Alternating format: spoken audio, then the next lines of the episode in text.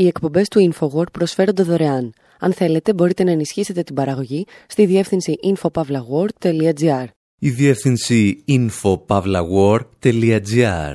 Η εκπομπή InfoWord με τον Άρη Χατζηστεφάνου.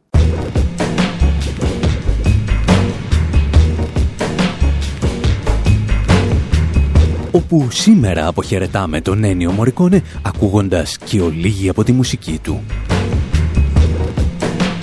Αναφερόμαστε σε ορισμένες από τις πιο πολιτικές ταινίες στις οποίες συμμετείχε με το έργο του. Συναντάμε αγρότες επαναστάτες και εργάτες απεργοσπάστες ή το αντίστροφο, ενώ παρακολουθούμε δύο αναρχικούς να καταδικάζονται σε θάνατο.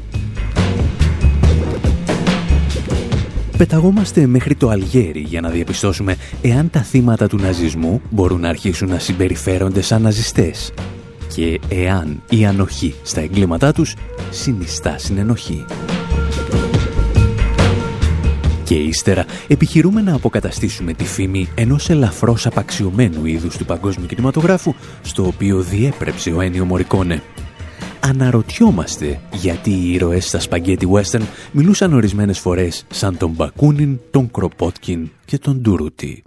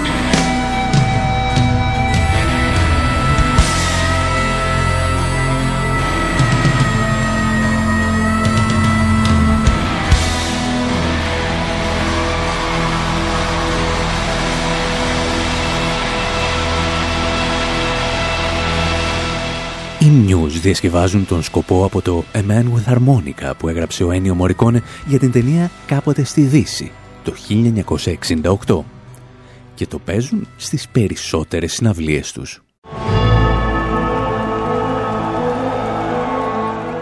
Το ίδιο θα κάνουν παρεμπιπτόντως και οι Metallica χρησιμοποιώντας για τις δικές τους συναυλίες αποσπάσματα από το The Ecstasy of Gold που γράφτηκε για την ταινία «Ο καλός, ο κακός και ο άσχημος».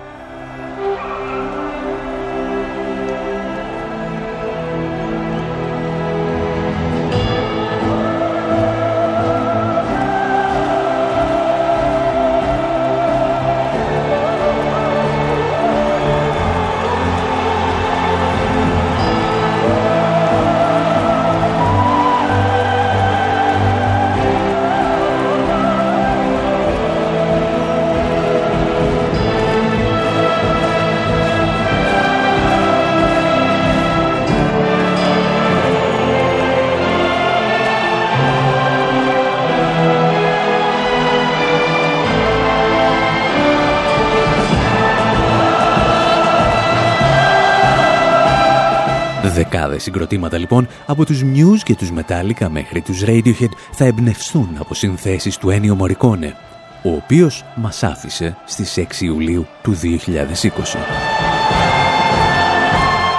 Και να σκεφτεί κανείς πως ο ίδιος ο Μωρικόνε έλεγε ότι η βασική πηγή έμπνευσής του ήταν ένα φεστιβάλ το οποίο παρακολουθούσε στα νιάτα του.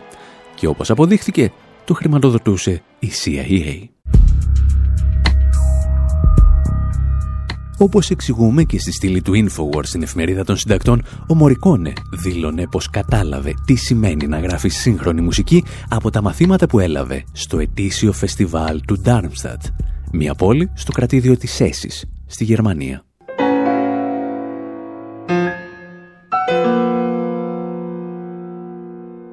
Bei den Ferienkursen für neue Musik in Darmstadt fanden sich ab 1946 die Pioniere jener neuen Musik ein. Όπως εξηγούν εδώ και οι δημιουργοί του ντοκιμαντέρ Νάτσαλ, τα θερινά μαθήματα του Darmstadt ξεκίνησαν το 1946 και εκεί άρχισαν να σειραίουν ορισμένοι από τους σημαντικότερους συνθέτες που γνώρισε η ανθρωπότητα στο δεύτερο μισό του 20ου αιώνα. Και ανάμεσά τους βρισκόταν και ο Ένιο Μωρικόνε.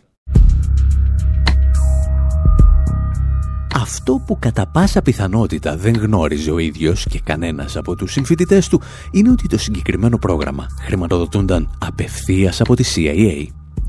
Ήταν ένα από τα μυστικά προγράμματα που είχαν δημιουργήσει οι Ηνωμένες Πολιτείες για να κερδίσουν τον πολιτισμικό ψυχρό πόλεμο με τη Σοβιετική Ένωση και ενίοτε να στρατολογούν και κανέναν πράκτορα. Για αυτά όμως, όπως είπαμε, μπορείτε να διαβάσετε στην εβδομαδιαία στήλη του Infowar στην εφημερίδα των συντακτών, αλλά και στο site μας, στο info.pavlawar.gr. Προς το παρόν, το μόνο που χρειάζεται να συγκρατήσετε είναι πως σε ό,τι αφορά τον Μωρικόνε, το πρόγραμμα της CIA απέτυχε παταγωδός γιατί ο Ένιο άρχισε να γράφει μουσική για ταινίες που σήμερα θεωρούνται εκ των όνου κάνευ εργαλεία για κάθε κομμουνιστή και αναρχικό συνεφίλ. Και ορισμένες από αυτές τις ταινίες θελήσαμε να θυμηθούμε σήμερα.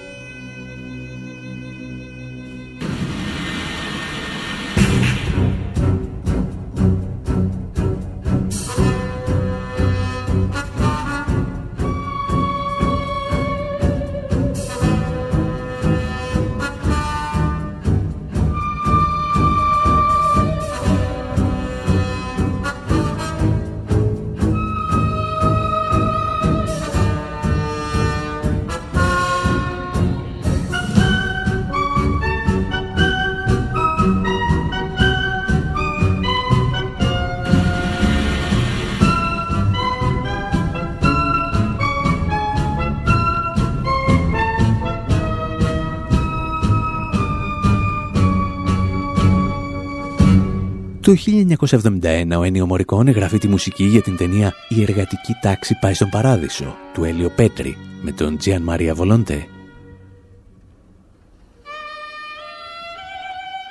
Ή, όπως θα έλεγε και ο Γιάννης Μπακογιανόπουλος στην ΕΡΤ, ο ήρωας, ένας φτωχός αλλά ιδιαίτερα αποδοτικός εργάτης, συνειδητοποιεί ότι έχει μετατραπεί σε ένα εργαλείο της βιομηχανίας στην οποία εργάζεται. Αρχίζουμε απόψε έναν κύκλο ταινιών με τον γενικό τίτλο «Μεγάλες στιγμές του Ιταλικού κινηματογράφου». Στη δική μας ταινία πάντως όλα κυλάνε ήσυχα. Μέχρι τη στιγμή που σκάνε έξω από το εργοστάσιο κάτι πιτσιρικάδες από το διπλανό πανεπιστήμιο. Και ο ήρωας τα παίρνει στο κρανίο με την κατάστασή του. Lo studente lì fuori ha detto che noi entriamo qui dentro di giorno, quando è, è buio. Οι φοιτητές απ' έξω λένε ότι μπαίνουμε στο εργοστάσιο με σκοτάδι και βγαίνουμε με σκοτάδι. Τι είδου ζωή είναι αυτή; Σε λίγο θα μας βάλουν να δουλεύουμε και τις Κυριακές. Θα μπαίνουμε νύχτα με τις γυναίκες μας και τα παιδιά μας. Τα παιδιά θα δουλεύουν δίπλα μας και οι γυναίκες θα μας ταΐζουν στο στόμα για να μην χρειάζεται να σταματάμε ποτέ. Θα περνάμε εδώ όλοι μας τη ζωή μέχρι το θάνατο. Και θα αφήσουμε αυτή την κόλαση για να πάμε σε μια άλλη κόλαση. Οι φοιτητές εκεί έξω λένε ότι είμαστε σαν μηχανές. Λένε ότι είμαι μια βίδα, ένα μπουλόνι, ένα πιστόνι, μια αντλία. Λένε ότι είμαι μια σπασμένη αντλία την οποία κανένας δεν μπορεί πλέον να επιδιορθώσει. Γι' αυτό σας προτείνω να σταματήσουμε να δουλεύουμε αυτή τη στιγμή. Όλοι μας. Και αυτοί που δεν θα σταματήσουν θα είναι απεργοσπάστες και σκατάδες.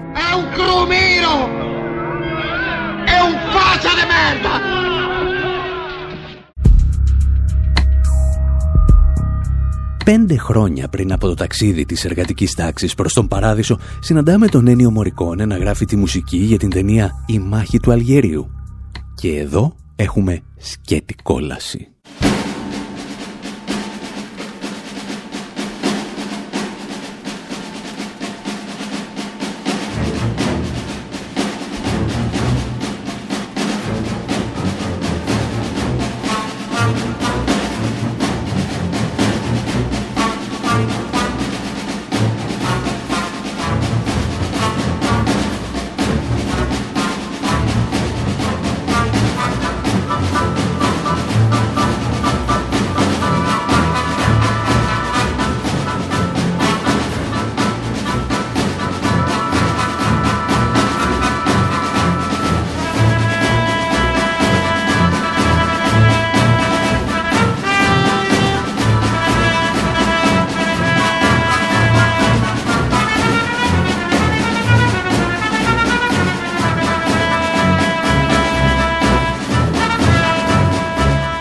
Στη μάχη του Αλγερίου παρακολουθούμε τις τελευταίες μάχες της γαλλικής απεικιοκρατίας για τον έλεγχο της Αλγερίας απέναντι στο εθνικό απελευθερωτικό μέτωπο της χώρας.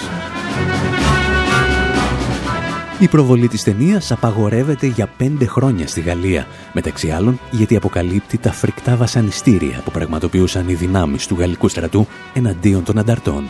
Και αυτή είναι η περίφημη σκηνή όπου οι δημοσιογράφοι ρωτάνε τον αντισυνταγματάρχη των γαλλικών δυνάμεων τι θα γίνει με αυτά τα βασανιστήρια. Le mot torture n'apparaît pas dans nos directives.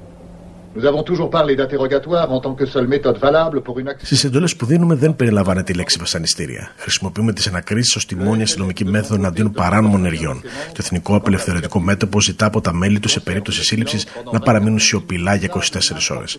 Με αυτόν τον τρόπο οι πληροφορίες που δίνουν στη συνέχεια είναι πλέον άχρηστες. Και εμείς πώς θέλετε να ανακρίνουμε, με νόμιμες διαδικασίες που πετούν μήνες;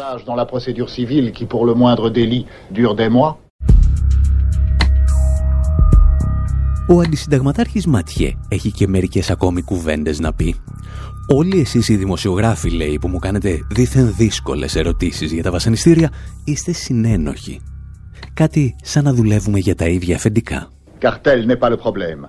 Le problème est, le FLN veut nous chasser d'Algérie et nous, το πραγματικό πρόβλημα είναι το εξής. Το Εθνικό Απελευθερωτικό Μέτωπο θέλει να μας διώξει από την Αλγερία και εμείς θέλουμε να παραμείνουμε. Και όλοι εσείς, παρά τις επιφυλάξεις σας, συμφωνείτε μαζί μας.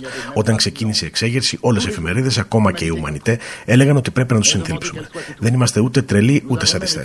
Όσοι μας αποκαλούν φασίστες, ξεχνούν το ρόλο που παίξαμε στην αντίσταση κατά των Γερμανών. Όσοι μας αποκαλούν ναζιστές, ίσως δεν γνωρίζουν ότι κάποιοι από εμάς επιβιώσαμε από τον Ταχάου. Είμαστε στρατιώτες και έχουμε χρέος να νικήσουμε. Και τώρα η σειρά μου να σας θέσω μια ερώτηση. Πρέπει να παραμείνει η Γαλλία στην Αλγερία. Αν απαντήσετε ναι, τότε πρέπει να δεχθείτε όλες τις συνέπειες. Si vous répondez encore oui, vous devez en accepter toutes les conséquences nécessaires. Ο Ένιο Μωρικόνε θα συνεχίσει να γράφει για πολλά χρόνια μουσική για ταινίες που κάποιες χώρες δεν θα ήθελαν να έχουν γυριστεί ποτέ.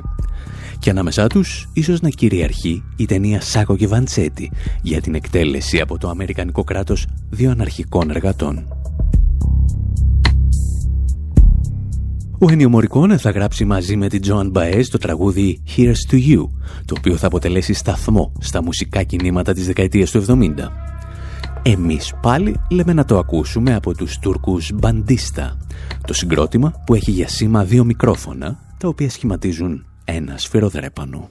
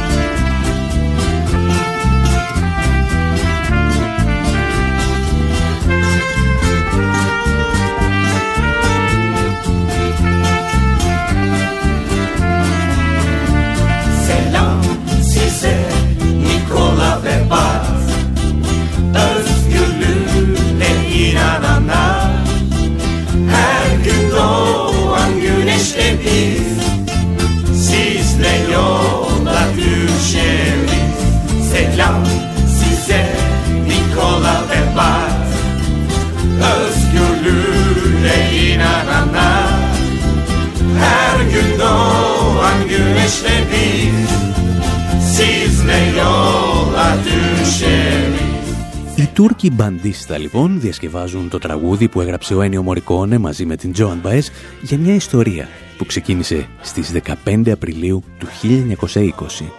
Σε ένα εργοστάσιο υποδηματοποιίας, δύο ένοπλοι σκοτώνουν τον υπεύθυνο μισθοδοσίας και έναν φύλακα. Η αστυνομία συλλαμβάνει έναν υποδηματοποιό, τον Νικόλα Σάκο και έναν ηχθιοπόλη, τον Βαρθολομαίο Βαντσέτη, στην κατοχή των οποίων βρίσκονται λέει δύο όπλα. Πρόκειται για τους ιδανικούς υπόπτους, φτωχοί Ιταλοί μετανάστες που δηλώνουν υποστηρικτές του αναρχικού Λουίτζι Γκαλεάνη. Είναι η εποχή που δεκάδες κομμουνιστές και αναρχικοί συλλαμβάνονται και απελάβνονται από τις Ηνωμένες Πολιτείες. Αρκετοί άλλοι βρίσκονται βάναυσα δολοφονημένοι ύστερα από την προσαγωγή τους σε αστυνομικά τμήματα. Μερικοί μάλιστα απογειώνονται μυστηριωδώς από τα κτίρια της ασφάλειας. Στη δίκη που ακολουθεί, δεκάδες μάρτυρες δηλώνουν ότι οι κατηγορούμενοι δεν βρίσκονταν στο εργοστάσιο παπουτσιών τη στιγμή της δολοφονίας. Στην πορεία της δίκης, αρκετά από τα στοιχεία των αρχών αποδεικνύονται παραποιημένα. Πλέον όμως, τα ενοχοποιητικά στοιχεία και τα άλοθη δεν παίζουν κανένα ρόλο. Η δίκη έχει λάβει αμυγός πολιτικά χαρακτηριστικά και οι δύο αναρχικοί ζητούν την κατάργηση του ίδιου του κράτους, το οποίο τους δικάζει. Σε μία από τις ιστορικές απολογίες του, ο Βαντσέτη καταγγέλει ότι το δικαστήριο οδηγεί τον ίδιο και τον Σάκο στο απόσπασμα, απλώς επειδή είναι μετανάστες και αναρχικοί. Είναι η περίφημη απολογία την οποία θα ερμηνεύσει αρκετά χρόνια αργότερα ο Τζιάν Μαρία Βολοντέ. Io non ho mai pensato di arricchire. Non è questa la ragione per cui sto soffrendo e pagando. Δεν θέλησα ποτέ να γίνω πλούσιο. Δεν είναι αυτός ο λόγος για τον οποίο υποφέρω. Πληρώνω για πράγματα τα οποία δεν έκαναν ποτέ, επειδή είμαι Ιταλός και επειδή είμαι αναρχικός. Είμαι όμως τόσο πεπισμένος για την αθωότητά μου, ώστε αν μπορούσατε να με σκοτώσετε δύο φορές και να ξαναγεννηθώ άλλες δύο, θα έκανα ακριβώς τα ίδια πράγματα. Όταν τα κόκαλά σας θα έχουν γίνει σκόνη και τα ονόματά σας θα είναι μια ανάμνηση ενός καταραμένου παρελθόντος, το όνομα του Νικόλα Σάκο θα είναι ακόμη ζωντανό στη μνήμη των ανθρώπων.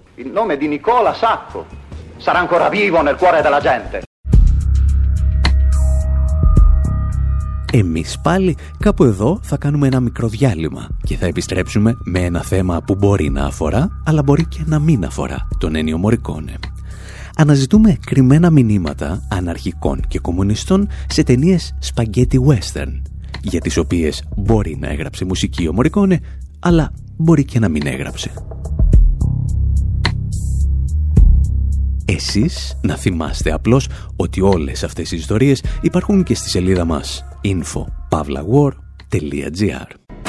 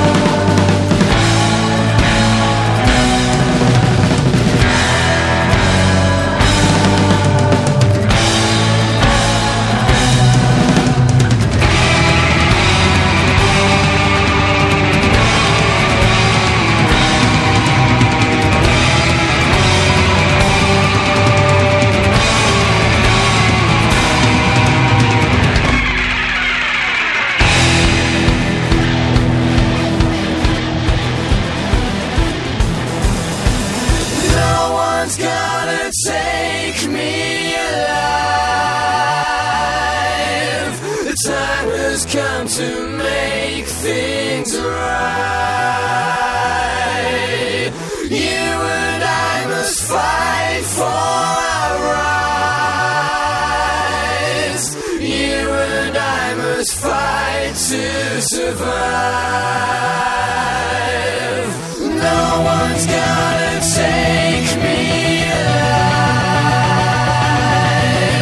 The time has come to make.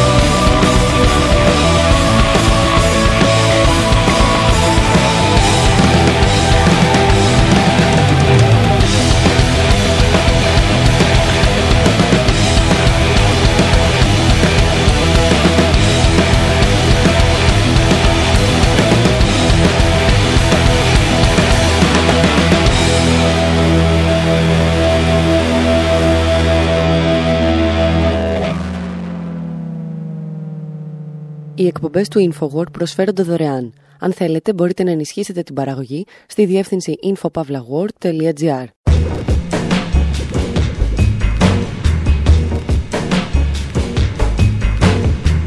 Εκπομπή InfoWord, μέρος δεύτερο. Όπου γεμίζουμε τα εξάσφαιρά μας και πηγαίνουμε σινεμά. Why do we do this, CG&I? Every night vegetables, Mine's numbed by THC. I've got my pen, CG the remote. Laurel and Hardy's the best bet at 4 a.m. on a Friday. No dreads about the working day after, though.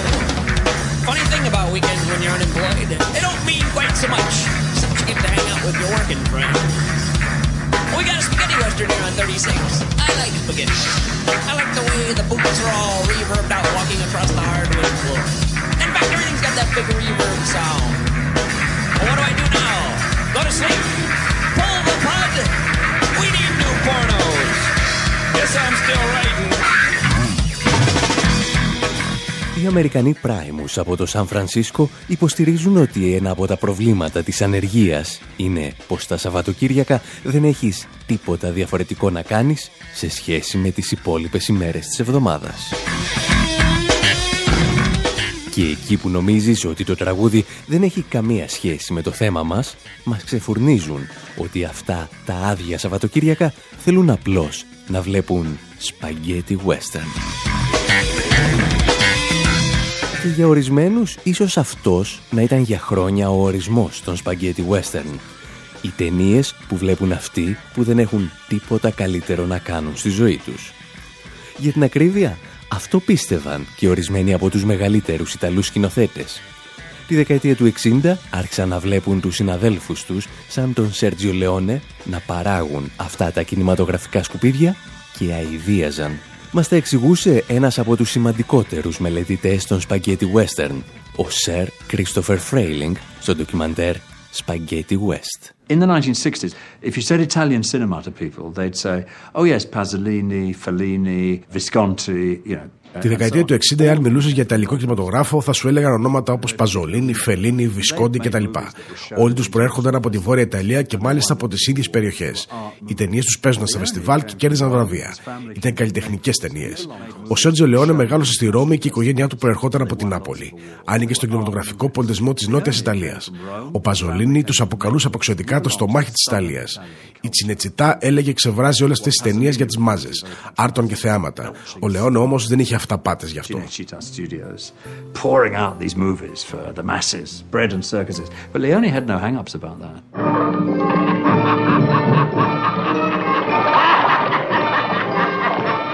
Ο Σέρτζιο Λεόνε γυρίζει εκείνη την εποχή αρκετές υπερπαραγωγές για τις μάζες, όπως οι τελευταίες ημέρες της Πομπίας και ο Κολοσσός της Ρόδου.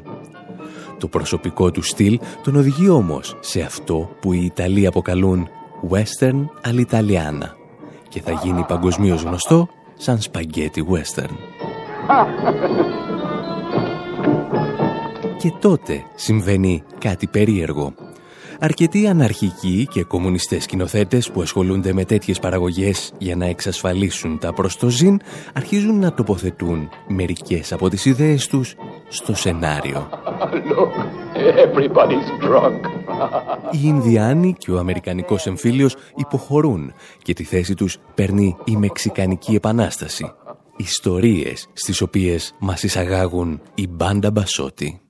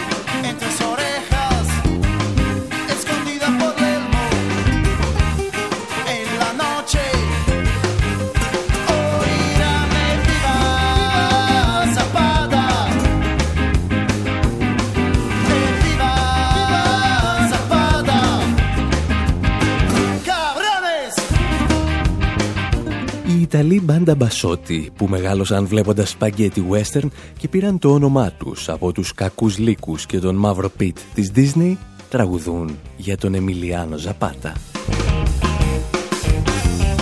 Η Μεξικανική Επανάσταση γίνεται σταδιακά το μοτίβο γύρω από το οποίο στείνονται όλο και περισσότερα σπαγκέτι western από τη δεκαετία του 60 και όπως εξηγούσε παλαιότερα ο Ιγνάσιο Ραμονέ στη Μον Diplomatique, αρκετοί αριστεροί σκηνοθέτες χρησιμοποιούν τη συμπάθεια των λαϊκών μαζών για το σπαγκέτι western για να περάσουν ιδέες των θεωρητικών του τρίτου κόσμου. ανθρώπων δηλαδή όπως ο Φρανς Φανών, ο συγγραφέας των καταραμένων της γης.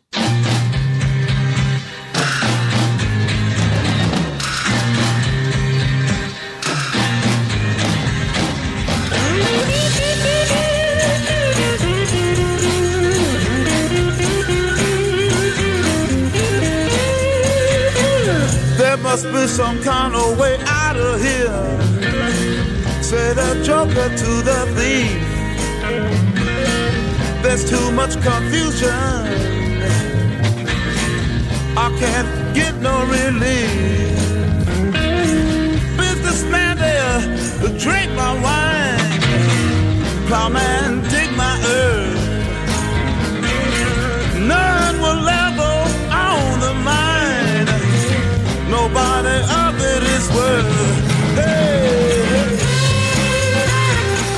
Είναι η εποχή που ο πόλεμος του Βιετνάμ δείχνει το φρικτό του πρόσωπο, ενώ η ευρωπαϊκή απεικιοκρατία καταραίει στην Αφρική και τη Μέση Ανατολή. Η σύγκρουση μεταξύ του Βορρά και του Νότου, του πρώτου και του τρίτου κόσμου, αντικατοπτρίζεται πλέον και μέσα από τα σπαγκέτι western και αντικατοπτρίζεται από ιστορίες που περιγράφουν τις σχέσεις των Ηνωμένων Πολιτειών με το Μεξικό. Στην ταινία Viva Comancheros με τον Τζιάν Μαρία Βολοντέ, μας εξηγεί ο Ιγνάσιο Ραμονέ, η ιστορία θυμίζει απελπιστικά τις δολοφονικές επιχειρήσεις της CIA στη Λατινική Αμερική. A golden bullet. When the bullet turns red, the general will be dead. Ένας Αμερικανός μισθοφόρος διεισδύει σε οργάνωση Μεξικανών ανταρτών για να δολοφονήσει έναν στρατηγό. Ένας Μεξικανός κακοποιός όμως τον σκοτώνει και δίνει τα χρήματα της αμοιβής σε ένα ζητιάνο. «Μην αγοράσεις ψωμί», του λέει, «αγόρασε δυναμίτη για να συνεχίσεις την επανάσταση». El Nino, the gringo, και οι Ιταλοί σεναριογράφοι θα συνεχίσουν να περνούν τα μηνύματά τους μέσα από τα σπαγκέτι western. Οι σκηνοθέτες του Βορρά που τους κοιτούσαν μέχρι τώρα με αηδία πλέον αρχίζουν να συμμετέχουν στις παραγωγές τους. Όπως ο κομμουνιστής Πάολο Παζολίνη, πρωταγωνιστή στην ταινία «Το τέλος των παρανόμων» του επίσης κομμουνιστή κινηματογραφιστή Κάρλο Λιτσάνη.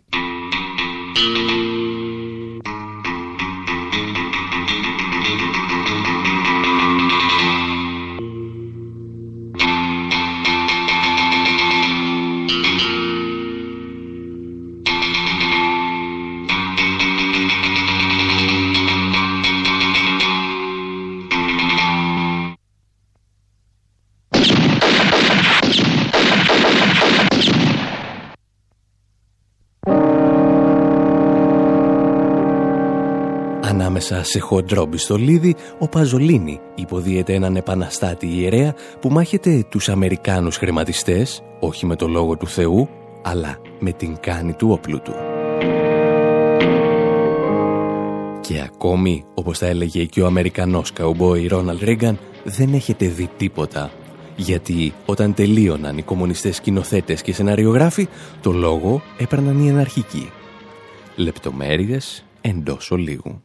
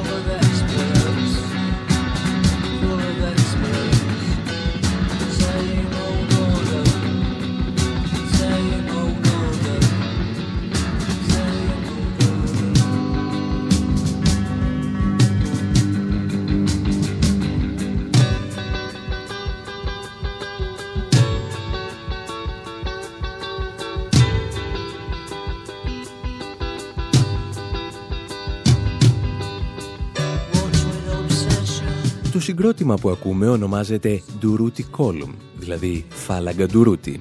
Και παρά το γεγονός ότι τους θεωρούμε απελπιστικά βαρετούς, το όνομά τους θα μας χρειαστεί στη συνέχεια της εκπομπής.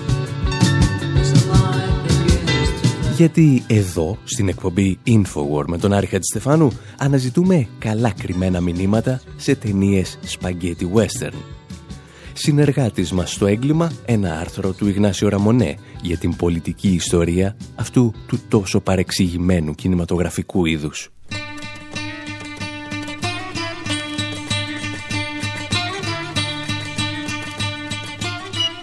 Είδαμε τον Πιερ Πάολο Παζολίνη να σκοτώνει Αμερικανούς χρηματιστές στο όνομα του Θεού και Μεξικανούς ζητιάνους να δίνουν τα χρήματά τους για να αγοράσουν τον δυναμίτη που χρειαζόταν η Επανάσταση.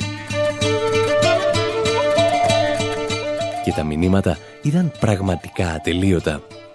Στο τι γυρεύω εγώ μέσα στο έξαλλο πλήθος, ο Βιτόριο Γκάσμαν υποδίεται έναν θεατρίνο που ντύνεται Εμιλιάνο Ζαπάτα και ξεκινά τη δική του εξέγερση των χωρικών.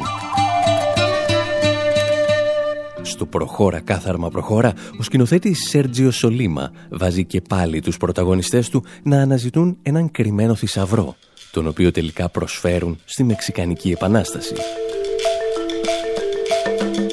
Και ο θησαυρός δεν είναι τίποτα περισσότερο από ένα χρυσό δρεπάνι και ο νόν νοήτο.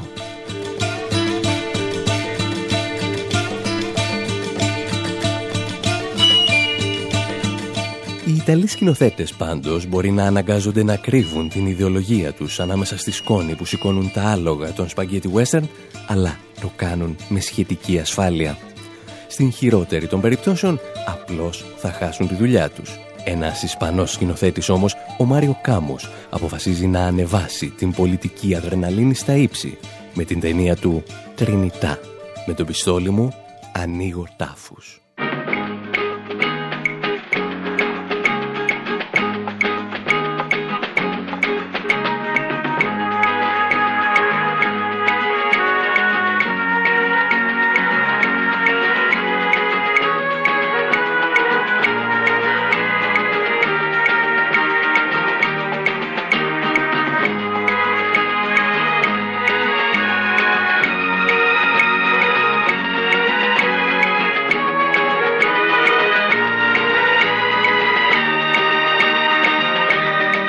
Στην ταινία πρωταγωνιστεί ο Τέρενς Χιλ, που μάλλον τον θυμάστε να ρίχνει σφαλιάρες μαζί με τον Μπατ Σπένσερ.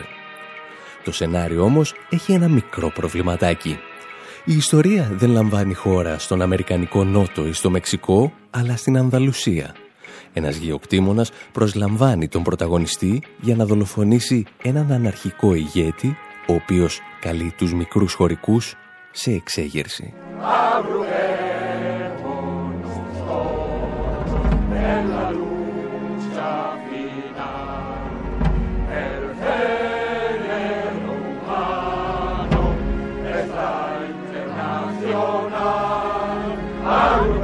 Όταν γυρίζεται η ταινία, στην Ισπανία μεσουρανεί ακόμη η δικτατορία του Φράνκο. Το τελευταίο που θέλει να ακούσει το καθεστώς είναι ιστορίες από τις εξεγέρσεις των αναρχικών στις αρχές του 20ου αιώνα και τις μάχες με τους κομμουνιστές στον Ισπανικό εμφύλιο.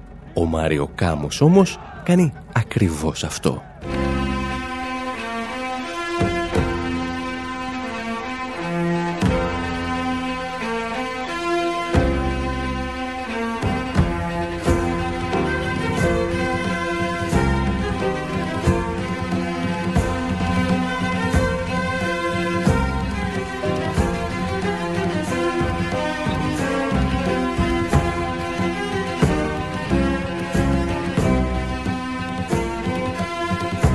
Σε μια σκηνή της ταινίας βάζει τον ήρωά του να εκφωνήσει ένα λόγο που κάνει τους φαλαγγίδες του Φράγκο να ανατριχιάσουν. Είναι τα λόγια του αναρχικού επαναστάτη Μπουεναβεντούρα Ντουρούτη στην τελευταία συνέντευξη που έδωσε στη ζωή του. Ο δημοσιογράφος τον είχε ρωτήσει τότε τι νόημα έχει η Επανάσταση εάν πίσω της αφήσει ερήπια. Και αυτός απάντησε με μία φράση την οποία εμείς ακούσαμε μέσα από ένα σπαγκέτι western. Fuimos nosotros quienes construimos en Europa, en América y en todas partes palacios y ciudades. Μην ξεχνάτε ότι ξέρουμε και εμείς να χτίζουμε. Εργάτες έφτιαξαν τα παλάτια και τις πόλεις στην Ευρώπη, την Αμερική και κάθε γωνιά του κόσμου. Δεν φοβόμαστε λοιπόν τα ερήπια. Εμείς θα κληρονομήσουμε τη γη και μην έχετε την παραμικρή αμφιβολία γι' αυτό. Η αστική τάξη μπορεί να ανατινάξει τον δικό της κόσμο εγκαταλείποντας τη θέση της στην ιστορία. Αλλά εμείς κουβαλάμε τον καινούριο κόσμο στις καρδιές μας. Pero nosotros llevamos un mundo nuevo en nuestros corazones.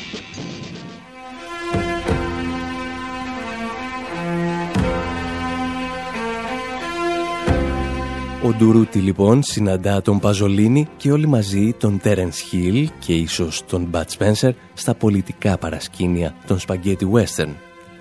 Ο επίλογος όμως πρέπει να δοθεί από τον άνθρωπο που δημιούργησε αυτό το νέο είδος κινηματογράφου.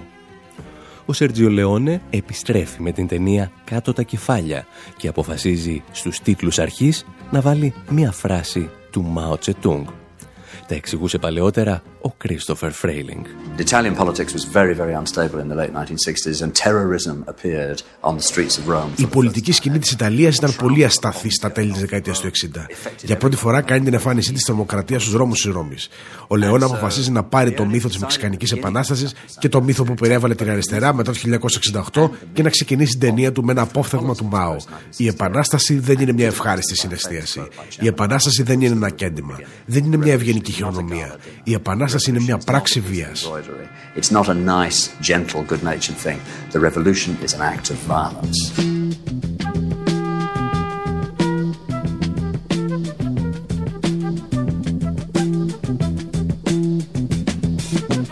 You will not be able to stay home, brother. Not be able to plug in, turn on, and cop out. You will not be able to lose yourself on Skag and skip out for beer during commercials because the revolution will not be televised. The revolution will not be televised. The revolution will not be brought to you by Xerox in four parts without commercial interruptions. The revolution will not show you pictures of Nixon blowing a bugle and leading a charge by John Mitchell, General Abrams, and Spyro Agnew eat hog maws confiscated from a Harlem sanctuary. The revolution will not be televised.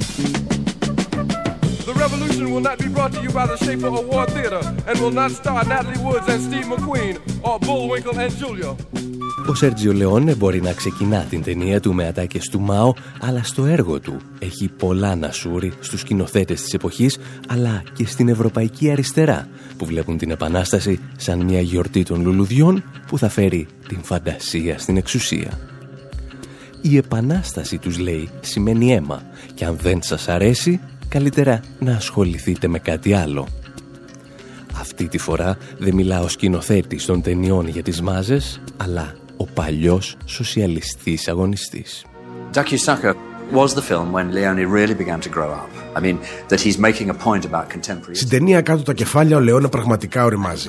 Για πρώτη φορά σχολιάζει τη σύγχρονη Ιταλία αλλά και τη δική του σοσιαλιστική παρακαταθήκη. Ο πατέρας του ήταν σοσιαλιστής κινηματογραφιστής στη δεκαετία του 1910 και του 20. Ήρθε σε σύγκρουση με το καθεστώς του Μουσολίνη με αποτέλεσμα να μην έχει σχεδόν ποτέ δουλειά. Ήταν πολιτικά περιθωριοποιημένος.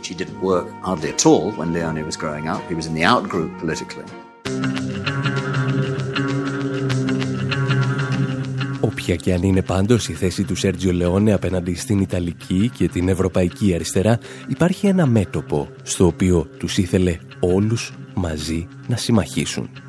Η μάχη απέναντι στα απομεινάρια του φασισμού. Ducky Sucker was made during the time when Italian cinema, Italian theatre, Italian literature was rethinking its relationship with... Η ταινία κάτω τα κεφάλια γυρίστηκε σε μια περίοδο που ο Ιταλικός κινηματογράφος, το θέατρο και η λογοτεχνία προσπαθούσαν να επαναπροσδιορίσουν τις σχέσεις τους με τον φασισμό αλλά και την ναζιστική κατοχή της Ρώμης τη δεκαετία του 40. Υπάρχουν αναφορές στα στρατόπεδα συγκέντρωσης. Υπάρχουν αναφορές στην περιβόητη σφαγή που πραγματοποίησαν τα SS στη Ρώμη το 1944. Σε αντίπειρα μιας βομβιστικής επίθεσης έσφαξαν 330 μάχους και τους έδαψαν σε μια σπηλιά στην άκρη μιας μεγάλης λεωφόρου. Ο Λεόνε αναφέρεται σε αυτή την ιστορία παρουσιάζοντας τη σφαγή σε μια σπηλιά στην ταινία του. Στην ταινία υπάρχει επίσης ένας νεαρός άνδρας που μοιάζει με τον Μουσολίνη. Τον στείλουν στον τοίχο και τον εκτελούν. Νομίζω αυτό θα ήθελε να κάνει και το κοινό της ταινίας. That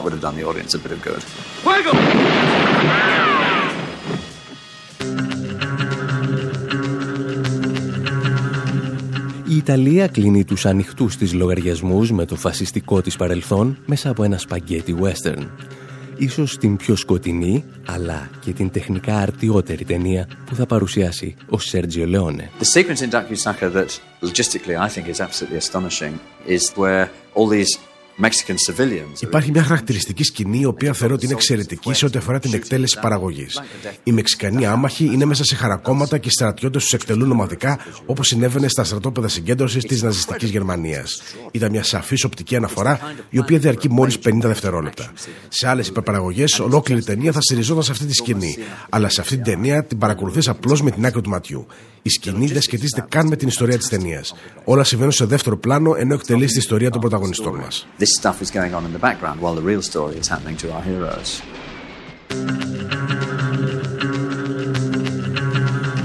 Ο Σέρτζιο Λεόνε λοιπόν στριμώχνει σε μία ταινία, τον Μάο με τον Μουσολίνη, τη Μεξικανική Επανάσταση και την τρομοκρατία. Σε άλλη ταινία ο Παζολίνη υποδίεται έναν ιερέα που κηρύσσει το λόγο της Επανάστασης και ο Μάριο Κάμους βάζει τους πρωταγωνιστές της δικής του ταινίας να απαγγέλουν αποσπάσματα από συνεντεύξεις του Ντουρούτη. Εμείς πάντως λέμε κάπου εδώ να σας αφήσουμε. Να μας θυμάστε και να μας διαβάζετε από τη σελίδα info.pavlawar.gr Μέχρι την επόμενη εβδομάδα, από τον Άρη Χατζηστεφάνου στο μικρόφωνο και τον Δημήτρη Σαθόπουλο στην τεχνική επιμέλεια, γεια σας και χαρά σας. I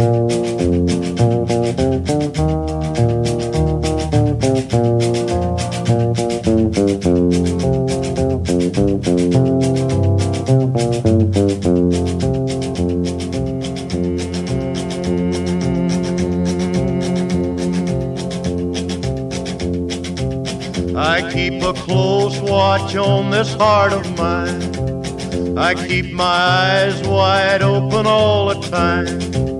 I keep the ends out for the tie that binds. Because you're mine, I walk the line.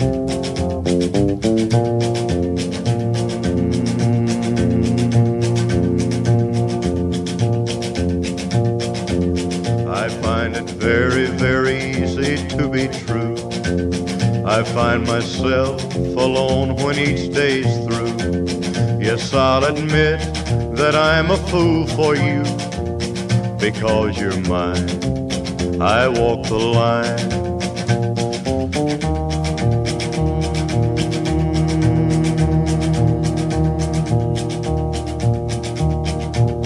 As sure as night is dark and day is light, I keep you on my mind both day and night. And happiness I've known proves that it's right because you're mine. I walk the line.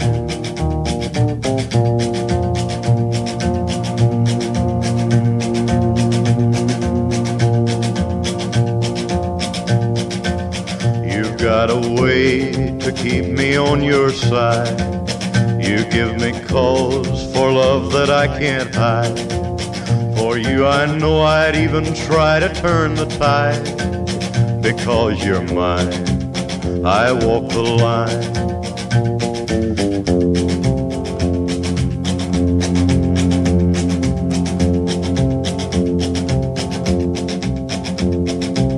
I keep a close watch on this heart of mine. I keep my eyes wide open all the time. I keep the ends out for the tie that binds. Because you're mine, I walk the line.